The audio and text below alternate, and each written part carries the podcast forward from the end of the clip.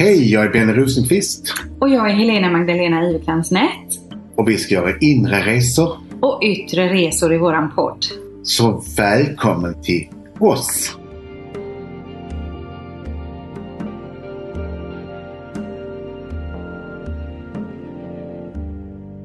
Hej, jag heter Benny Rosenqvist och idag tänkte jag att vi ska prata om medialitet. Och vad heter du? Jag heter Helena Magdalena. Och eh, det finns ju jättemycket att prata om vad det gäller området medialitet. Det är ju väldigt, det är väldigt stort. Och vi, vi pratar ju en hel del om det, du och jag Benny, tillsammans. Våra, vårat sätt att vara mediala på i vardagen och när vi möter olika människor och så här. också vissa regler som finns tycker jag oskrivna på något sätt. Man bara vet att man har tystnadsplikt. Jag brukar prata om att man har en andlig tystnadsplikt som är större än andra har. För det känns ju viktigt att hålla förtroende på något sätt när man är medial. Det är oerhört viktigt. För människor som kommer till oss ska ju, känna, ska ju känna verkligen en trygghet i att kunna prata med oss och det som kommer fram i våra sittningar, att det stannar i samtalet såklart. Man har en hård skola ju som medium för att jag och man fortsätter utvecklas hela livet för jag känner att det tar aldrig slut. Och jag är inte färdigutbildad och det är både utmanande samtidigt som det kan kännas rätt så komplicerat ibland när man får pekfingret från sin guide som hela tiden vill förfina mitt instrument som medium. Och det är ju det, är det också som utmanar mig att jag är ju inte perfekt utan jag måste slipas fortfarande. Och eh, ödmjukheten som vi brukar prata om som medium är jätteviktigt. Att tacksamhet och ödmjukhet för det man gör. Och det är ett hantverk på ett sätt att det är viktigt att se det stora i den gåva vi har och att förstå vad vi förvaltar som medium. Hur viktigt det är att förvalta gåvan rätt. Ja, precis. Och med den här inställningen verkligen i hjärtat att vilja, att vilja hjälpa människor och eh, att utvecklas. Och eh, när man sitter kanske på en sittning eller man möter människor och det här när man får också vägledning av sin guide för att bli bättre, hitta kanske nya sätt eller att hitta precis det som behövs i just den stunden. För den människan är så oerhört värdefullt och att fortsätta alltid att vara lyhörd och att lyssna till sin guidning och sin intuition. Mm. Ja, det är ju en eh, gåva vart möte man har. För varje person är unik. Även om vi är lika så är vi olika. Och det blir så speciellt när vi kommer bakom varje fasad och får se vem, vem, vilken speciell människa detta är. Så varje möte är ju unikt. Och varje gång tycker jag man växer och får någonting till sig som medium. Ja, det gör man verkligen. I varje, i varje samtal upplever jag själv inspirerande på det sättet att det blir ju ett utbyte, det blir ett energiutbyte och det blir ju ett erfarenhetsutbyte med varje, varje person. Varje dag vi arbetar. Har du upplevt den sista tiden att det har hänt någonting med din förmåga så där du utvecklats mer? För jag tycker, jag tycker ibland utvecklas jag med någonting till exempel med, med ord och ibland kanaliserar på ett annat sätt. Och det är precis som jag eh, utvecklar nya sidor hela tiden. Har du märkt någonting den sista tiden att det har hänt någonting? Ja, eh, jag fick precis en déjà vu. Precis just här och nu så fick jag en sån déjà vu. Precis som att vi har gjort det här och suttit på den här platsen innan. Jag kan känna att, Ehm, att det kan växla lite, lite över tid. Det jag upplever det är att sista tiden, sista kanske ett och ett halvt åren, så upplever jag att samtalen har fördjupats. Det är som att det är, det är viktigare saker kanske som vi pratar om. Eh, människor söker sig än mer kanske för att hitta sin egen mening med livet och vill liksom få mer vägledning i sin egen ett livsresa, i sin egen andlighet. Så det känns som att de som kommer har förändrats. Jag tror att människor utvecklas och vill mer. Och när fler människor vill mer så måste vi också kunna leverera mer. Och när vi levererar mer så växer vi mer. Så det blir en form av transformation med hjälp av klienterna. Efter den här tiden som har varit, som varit ganska tuff för människor så vill folk hitta sin mening mer med livet och hitta kanske sin andlighet och sin medialitet. Och Många har börjat vakna upp medialt också mer så de börjar ju också skapa sina mediala liv och kanske som socionom eller som politiker eller som präst eller som ja, alla möjliga yrken, advokater. För jag träffar ju, det är så brett nu på människor som börjar hitta sin medialitet och kan använda det i vardagen. Med att känna in andra människor och använda det som ett verktyg. Märker du det också? Jag märker det och det gör mig väldigt tacksam. Och på mediumutbildningarna då som, som vi har så är det ju så att många går ju de här olika utbildningarna för sin egen utvecklings skull. Och kanske inte alls har en avsikt att arbeta som medium på det sättet så som vi arbetar. Utan att vara sitt andliga fina jag i vardagen och kunna ha tillgång till sin intuition i sekunden. Gå på känslan. Så det är ju som att man stämmer liksom sitt instrument än mer och det har man ju en otrolig nytta av i hela livet. Varje sekund i vardagen att vara medial. Och när man börjar utvecklas så kanske man lär sig cykla först på en trehjulare. Sen får man en tvåhjulare. Och sen tar man ett äh, medialt körkort. Och sen kanske man blir taxichaufför och sen så till slut kanske man får köra limousin. Ja, precis. Så utveckling är ju väldigt viktigt. Så att, eh, och det, det är ju större krav ju mer man utvecklas. Ju mer man levererar, ju mer ska man kunna egentligen. Ja, och jag tycker att det är så fantastiskt fint hur våran guide då, jag brukar ju säga också andlig ledare, eh, fortsätter att vidareutveckla oss hela tiden i vårat, i vårat mediumskap. Att vi aldrig blir fullär, fullärda utan att vi hela tiden lär nytt och lär att jobba på sätt som mer och mer anpassar sig också efter tiden som är nu. Och det som jag också märker det är att efterfrågan på oss som är medium är ju väldigt, väldigt stor. Det är som ett jätte, jättestort behov av att få boka tid. Mm till ett växande, den andliga och mediala världen. Och andlighetens eh, nyfikenheten har delats. Sverige kanske i två delar. De som tror och de som inte tror. Att folk kanske inte förr visste vad medialitet var. Och det vet de nu hjälp av tv-program som Det Okända och tidningen Nära och, och artiklar som skrivs i tidningar och filmer som kommer också om medialiteten.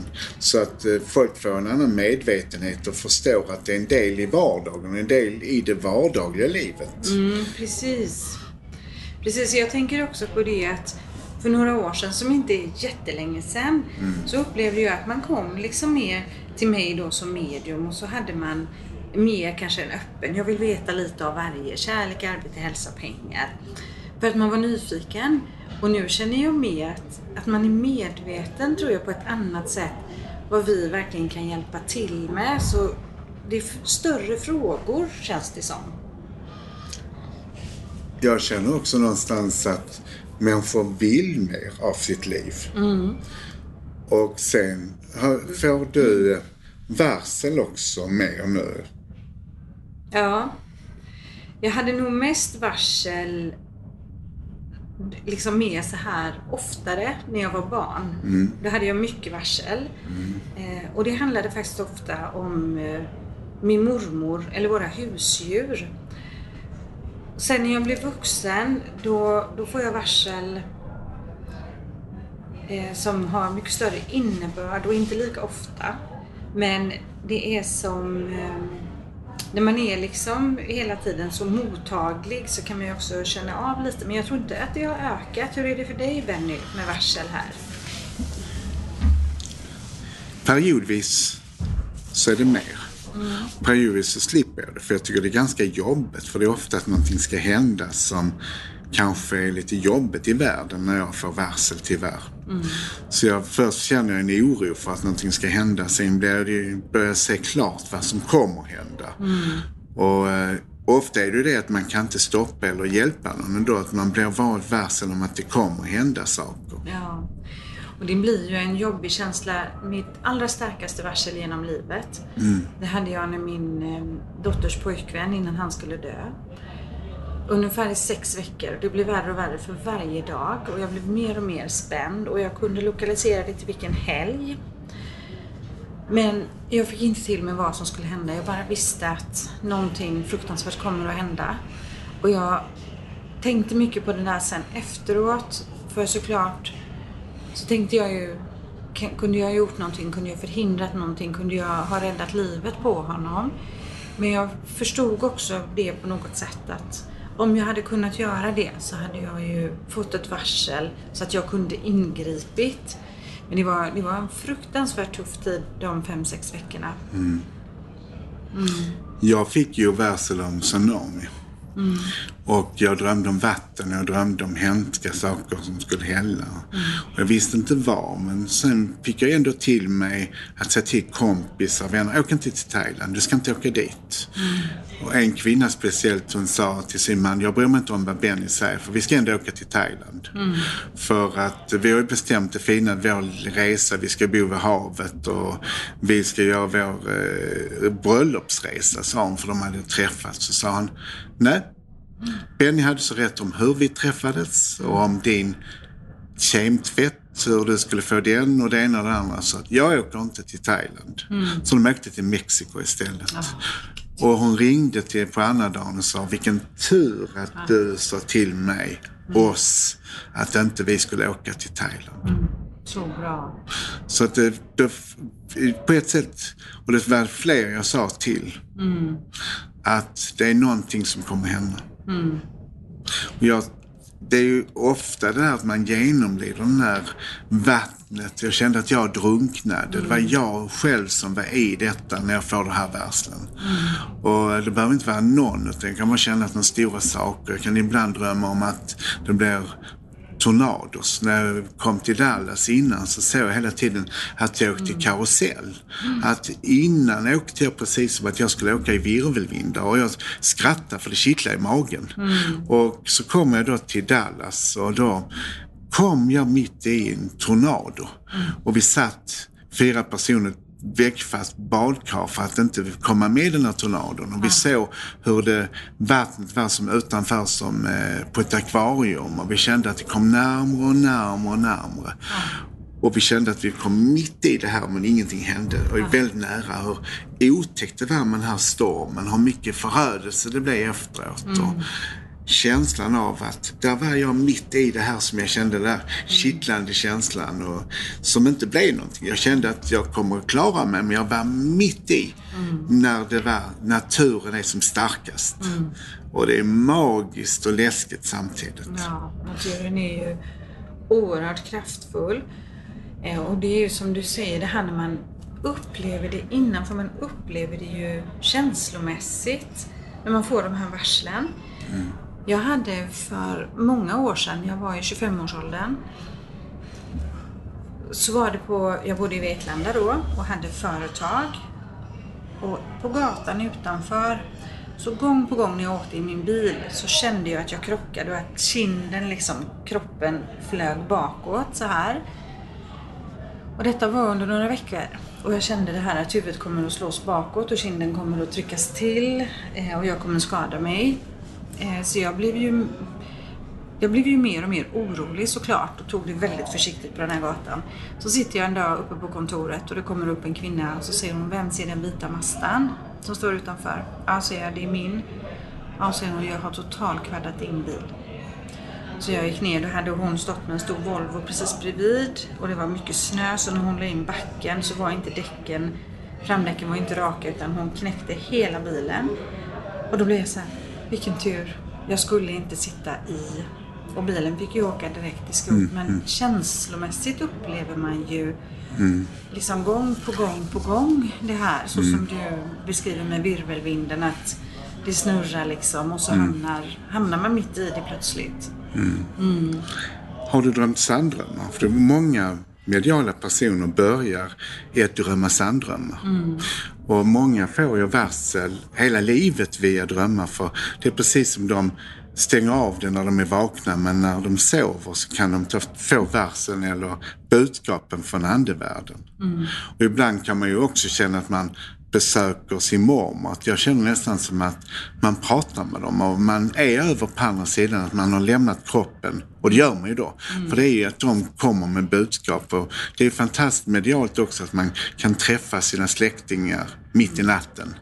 Och ibland är man ju så trött för man varit ute och jobbat och man varit på olika ställen i världen och man har gjort sina äventyrliga resor, försökt jobba med att hjälpa människor astralt, lämnat kroppen när man sover. Sen har jag också drömt att saker och ting ska hända. Har du gjort det också? Jag har drömt mycket sanddrömmar och de har varit väldigt exakta. Att jag möter någon som säger exakt det. Eh, och när jag vaknar efter en sanddröm så vet jag att det var en sanddröm. Det är en speciell känsla av att ha upplevt det. Så då, då har jag kunnat börja förvänta mig att det ska, ska ske. Oftast så har jag sanddrömmar som är faktiskt ganska vardagliga. Att jag ska möta någon, att någonting ska hända med något av mina husdjur eller så här. Ehm, Även mina barn, alla tre egentligen har haft sanddrömmar när de var, när de var små. Och det har handlat om husdjuren. Så när katten har fått ungar hemma hos oss, då är det alltid någon som har drömt var de är födda någonstans. Jag drömde i förra veckan en väldigt fantastisk dröm för det var min gamla hund Valentino som kom. Och han pratade så sa han Benny, nu måste du vila. Mm. Du måste vila för du har jobbat för mycket. Och han pratade till mig. Men då, han, jag hade aldrig hört det. Men du har hört min röst i ditt huvud innan så du känner igen den, sa han. Och du måste ta hand om dig. Så du måste tugga lite på ben. Och jag är vegetarian så att det var verkligen sådär hundaktigt han sa det till mig. Han la sig och visade, så här ska du ligga. Och så låg han på rygg på min röda matta i vardagsrummet. Och så ska du bara snurra på ryggen och så ska du njuta av livet mer. Så jag fick ett varsel och han pratade och så skrattade han. Och det var verkligen som en röst från en hund. Men det var Drömmar kan ju vara fantastiska men jag känner någonstans att jag har haft en trötthet och lite irritation. Att jag har inte den tröskeln som jag brukar ha till de som är nära mig. Mina klienter märker ju inte det men nära kanske känt att jag är lite småirriterad för att jag inte lyssnat på mig själv. Och det är ju så skönt när drömmen då visar att du måste ta hand om dig. Det är viktigt att du tar hand om dig. Och att en hund som pratar, Ja, det är fint. fint. Valentino, fina Valentino. Mm, ja. Och då, då är det ju också viktigt att du lyssnar på vad han, vad han sa och att du vilar och ser till att du får tid för återhämtning. För det är ett viktigt budskap Mm. som han kommer med. Sen drömde jag om en dröm för många år sedan. Det är fem år sedan. Så jag var tillsammans med en eh, rumänsk kille som var rom. Och jag drömde att han skulle köra en blå bil. Och han hade en röd bil. Så jag tänkte, men vad konstigt. Och jag drömde också att han skulle köra ihjäl sig mot en mörkblå lastbil där det var skog. Och det blev den 2 november så vi började närma oss alla helgon när det hände. Så i alla fall, eh, och han frågade mig om han fick låna min eh, startkabel. Så sa jag, den har min kompis Ola. Så att jag har inte det. Och eh, så skulle han till Stockholm och kompisen sa vi måste köra till Stockholm. Men han ville inte det för han kände själv att jag vill inte köra. Och han, jag hade ju varnat honom att kör ingen blå bil. Du får inte, och det var en blå bil och sen så körde han onykter. Ganska kraftigt onykter för han drack ju hela tiden. Så han hade 1,70 promille. Oj. Så han var, det var, jag fattar inte hur han kunde stå upp. Nej, och mycket. kör mot eh, Jönköping. Och utanför Jönköping så kör han, vilken färg tror du det var på bilen? Jo. Och vad tror du han körde emot? Lastbil. I skogen. Han dog omedelbart. Men det mest fantastiska var ändå att, om vi nu ska prata i detta, att hans kompis som satt 20 centimeter bredvid honom överlever den här krocken. Men han låg i koma i en vecka, 14 dagar, jag kommer inte ihåg hur länge. Så vi fick ju inte reda på att Daniel hade dött för han var inte svensk. Så inget, det kom ett meddelande. Och det meddelandet fick jag 20 minuter innan jag skulle gå på scenen och hålla ett nära föredrag. Och det var ju tufft att gå på scenen när man fått reda på att sin pojkvän har kört ihjäl sig. Ja, fruktansvärt. Han kom innan till mig. Och så visade han sig lördagen innan och det var tvn, så var det ett grönt ljus i hela mitt sovrum. Från tvn. Och så såg han i skenet och sa, är du död? Ja. Blinkade en gång. Blinkade två gånger om det är nej. Kommer du komma tillbaks igen? Nej. Nej. Och det var ju så magiskt att få det. Men det bäst lustiga, vet vad det var? Nej. Det lyste från tv-apparaten, men kontakten var inte i. Nej. Tagit ut när jag dammsugade. Så lamporna bakom tvn lyste i grön som är chakrafärgen för kärlek. Ja, det Så det var i hjärtat. hjärtat. Så han kom i hjärtat och jag... Ändå vill jag inte ta till mig det förrän jag fick reda på det en ytterligare vecka senare. Och då var det ju definitivt. Men han kanske hjälpte dig ändå att öppna upp för att det hade kunnat bli så. Jag tror att jag fick ett varsel att han kunde ha gjort val. Jag tror också att vi kan välja. Att jag tror inte bara att allting är definitivt. Nej. Och jag tror att han kunde valt om han hade velat stanna upp där istället och inte tagit den här blå bilen när han var onykter så att säga. Ja. Så att jag tror att man får vissa varsel för att kunna hjälpa människor att göra val som faktiskt är bra. Ja. För jag har lyckats få människor att göra andra val med mina, mina insikter och varsel. Nära vänner mm. har det varit. Alltså jag har sagt, gör inte det, eller gör inte det. Ja, precis. Och det är, ju, det är ju fint när man får så att man kan hjälpa. Jag fick ofta till min mormor, då var jag barn. Och då kunde jag säga till, säga till mamma. Eh, och det var också ibland om mormor hade blivit sjuk.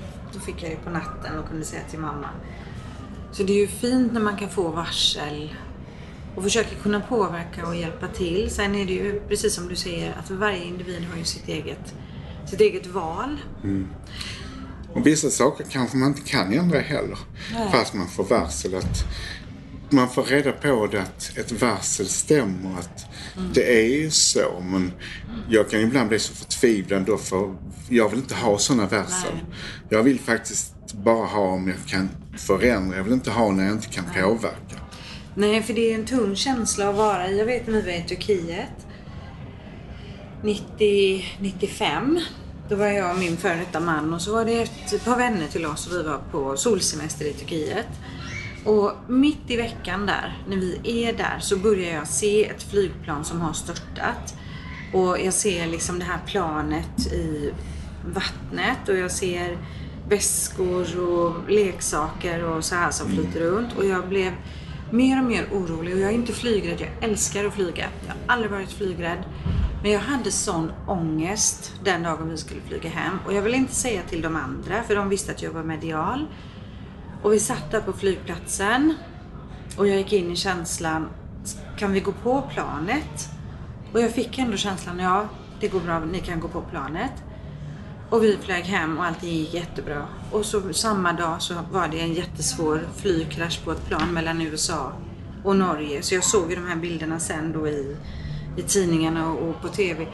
Och då, då kände jag att jag blev nästan lite jag blev nästan lite sådär stött på det. Att det påverkade mig så mycket på min semester. Så istället för att jag kunde njuta och koppla av så, så var jag liksom rädd för det här varslet. Och det, jag hade ingenting med det att göra överhuvudtaget. Och det var inte det planet vi, vi flög med. Och då kan jag känna sådär ibland, varför? Man kan få olika varsel också. För jag har en kompis, mamma när jag var väldigt ung. Då var jag kanske nio år. Hon var flygvärdinna. Och eh, hon skulle flyga och fick akut migrän på, eh, på Sturups flygplats. Så hon gick in, fick in och lägga sig och kunde inte ta den flighten. Och det planet störtade. Ja, ja du ser. Så jag, ibland känns det som att man ska vara där man är. Och visst kan man påverka det också saker. Så jag tror det är därför vi också får varsel att vi ska inte vara på alla ställen. Nej. Att änglarna hjälper oss ibland. Hjälper våra skyddsänglar så vi inte är på ett ställe speciellt. Att vi blir stoppade, någonting händer så vi inte kommer iväg. Eller. Ja. Så vi, det gäller ju någonstans att lyssna när de snälla, kärleksfulla från andra sidan vill stoppa och hjälpa oss och rädda oss från att vara med om saker. För det händer ju mer ofta än det händer tråkiga saker. Ja, verkligen. Och jag har genom livet tänkt så. Om jag har till exempel hamnat i någon lång bilkö, säger vi, eller missat ett tåg eller vad det än är. Då har jag liksom alltid varit i den känslan att det var meningen att det skulle bli så här. Det är någonting som, eh, som skulle stoppa mig på vägen. Och vi pratade ju om det lite, det här med intuitionen som är sekundsnabb. Man sitter i bilen och så får man bara köra en annan väg. Och att man ska lyda där och göra det. Ta bilen, sväng, ta en annan väg. För det visar sig ofta att det har varit en trafikolycka eller någonting som man får hjälp att undvika helt enkelt. Mm, så är det ju. Och eh, någonstans är det ju verkligen att lyssna. Och det, i vår intuition har ju alla. Vissa är bara mer avstängda från den, men alla kan öva upp den. Och alla har eh, mycket av det när det verkligen är. För ibland är det bara så, du måste lyssna, du måste lyssna, du måste lyssna. Ja, och det är, det är ju jättebra det här att man kan sätta sig själv också och känna in när man ska in, ut på en resa till exempel. Att man känner in känslan, hur känns det här? Är det någonting som jag ska vara medveten om? För vi får ju så mycket signaler och vi får så mycket budskap. Jag ska göra en nära resa nu och det är många som säger att de åker som är flygrädda. För de vet att sätter Benny sig på ett flygplan så händer ingenting. Så då vågar de åka tack vare att, vi, det har du nog också hört, att när du är medial så vågar de. Ja, precis. Jag har en eh, kompis som skulle flyga till Nashville. Och då blev det med ett propellerplan och det blev regn och åska. Hon är jätteflygrädd. Men jag hade sagt att du kommer vara med om detta här och du kommer inte förolyckas. Och satt hon där och hon var jätterädd och tänkte nu kommer jag störta. Men tänkte Benny sa att det inte skulle ske så hon sa till munk som satt bredvid, tibetansk munk som satt med sina kläder där, orangea kläder. Min vän Benny är medial han har sagt att detta planet kommer inte störta. Då lyssnar vi på det som munk. Så de satt helt lugnt, alla andra var hysteriska på planet. Men de landade och ingenting hände. Det var en obehaglig upplevelse för henne. Hon var så tacksam att jag hade sagt innan. Du kommer vara med om regn och du kommer vara med om du känner nästan som att planet störtar. Men det kommer inte att göra det. Så bra. Så bra. Vilken trygghet att få gå in i det, tänker jag. Och vara, vara lugn. Så jag hade nog inte gått in i ett plan om jag känner att jag inte ska göra det. Nej. Jag hade, det, det, den känslan har jag alltid att jag vill göra det. Två gånger har jag fått varsel med bil och då har jag varit med om bilolyckor. Då har bilen stannat på två konstiga ställen och jag har fortsatt. En gång körde jag på en dam. En gång blev det, jag påkörd av bilar. Så på motorvägen stannar bilen och jag fortsätter. Jag kämpar med att få igång bilen fast den inte vill. Så nästa gång, så var min bil än kommer stanna, så kommer jag gå därifrån. Eller be, begära bärgning för jag kommer inte starta den och köra därifrån. För jag fick ju sådana tydliga varsel av att Kör inte här och jag gör det. Den gången var det så till och med så att det var centimeter ifrån. Den körde på mig bakifrån på motorvägen. Kanske 10 centimeter. Ingen, ol- ingenting hände men bilen blev totalskrotad. Jag hade den i 24 timmar bilen. Så den pang. Och det var en ny bil och jag överlever detta, går ur bilen som ingenting har hänt. Det är magiskt. Jag fick var- varsel om att eh, det skulle hända. Jag kör ändå. Dumma mig alltså. Som inte lyssnar på tydliga tecken. Men jag gör ju det nu. Så nu har jag förstått att lyssna på min intuition och verkligen inte gå emot den. Nej. Tänk för, tänk för din skyddsängel. Jobbade. har fått jobba hårt. Mm. Det var nästan så jag fick en sån här bild innan när du berättade. Jag såg liksom en hel mur så här med änglar som ställer sig i vägen för dig. För då får de stopp på dig liksom. Och nu har de fått stopp på mig i alla fall. Ja. Men det är ju det som är så bra. Ju mer, ju mer vi lyssnar och ju mer vi följer desto mer får vi ju hela tiden. Vi har ju en ständig kommunikation liksom. Så här. Eh, Och jag är lite mer, eh, eller jag är väldigt lydig brukar jag säga. Eh, Så jag har, vet att jag har undvikit krockar och så flera gånger. Och jag kanske inte hade varit med i krocken men jag hade definitivt suttit i lång, lång bilkö och fått köra en annan väg. Och jag är så här, kör en annan väg, så kör jag en annan väg. Hoppa i havet, jag hoppar i havet. Jag kan vara nästan för mycket så att gå på de här Nej, det är jag nu också nu. Jag, jag, jag är så också idag. Så min intuition är så trygg. Det är ju en del av den mediala förmånen. Det är en löneförmån vi har nästan tycker Ja, jag. Så den ska verkligen. man lyssna på. Att få så fantastiska guidningar som vi får. Och det har vi alla, bara vi lyssnar. Det gäller bara att lyssna, lyssna, lyssna. Våga lita till sin magkänsla, sin intuition och sina varsel. Det är oerhört värdefullt. Och det är ju så här att vi är ju liksom påkopplade och får ju det i samtal med människor.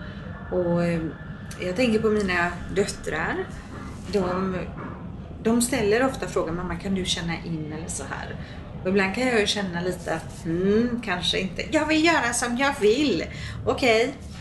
Eh, Så jag får inte alltid känna, känna in det, men jag får ju informationen oftast väldigt snabbt. Och, och det kan ju vara så här, tänker jag också på våra lyssnare, att man kan ju få en känsla bara. Känns det lätt och rätt att gå den här vägen eller känns det tungt som att jag får ett motstånd? Krånglar det för mig nu? De här olika delarna kan ju också liksom förstärka de här tecknen. Jag, jag hade så igår Benny.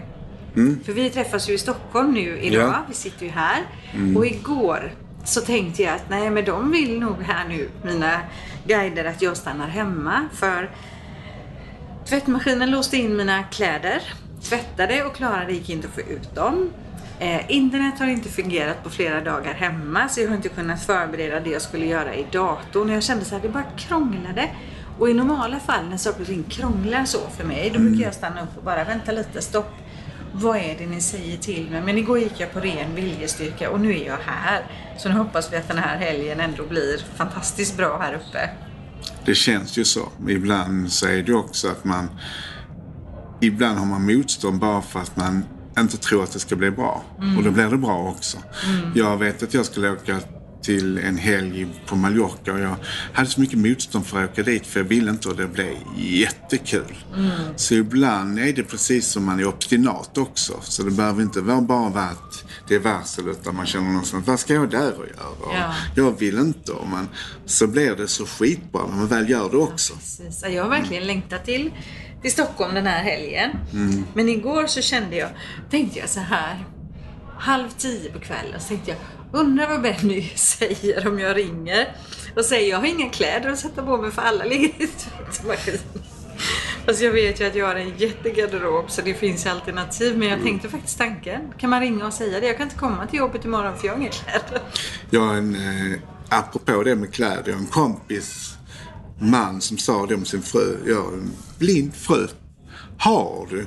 Ja, jag har så mycket plats, ungefär 5 centimeter i garderoben. Hon har alla garderoberna. Och var sa hon, det är ingenting i garderoben. Hon ser aldrig alla kläder hon har. Det är Precis. något konstigt. Det är något helt fantastiskt med det. För det är verkligen att man kan gå in hyllmeter efter hyllmeter. Så nej, jag har inga kläder. ja. Nej men det är väl jättebra det här att man kan verkligen förstärka sin intuition och lyssna på den. Och sanddrömmarna som vi kan få. Och varslen. Och vi kan ju verkligen rekommendera det att liksom lita till intuitionen och att man följer den. Det är ju våran guide som kommunicerar till oss och hjälper oss här nere i livet på jorden. Det är som min lillebror sa när han var liten, man ska lyssna till institutionen. Ja. Det är viktigt att lyssna inåt ja. och följa den guidning vi har. Och eh, det är ju en gåva faktiskt med vår intuition och magkänsla. Och det är ju riktat till vår själ. Det är en själslig upplevelse. Och vi har det både som män och kvinnor. Det är inte ensamrätt på kvinnor utan män har också det. Såklart. Vad gulligt med institutionen. Ja, Man ska institution- lyssna på institutionen. Ja, det ska man göra. Ja, det var gulligt. Ja, men det var ju ett jätteintressant samtal. Så nu tackar jag dig Benny. Och jag tackar dig Helena Magdalena och framförallt vi tackar dig som har lyssnat. För vi är så tacksamma att du finns och att du lyssnar på oss. Så på återhörande igen. Tusen tack alla kära lyssnare där ute. Vi hörs snart igen.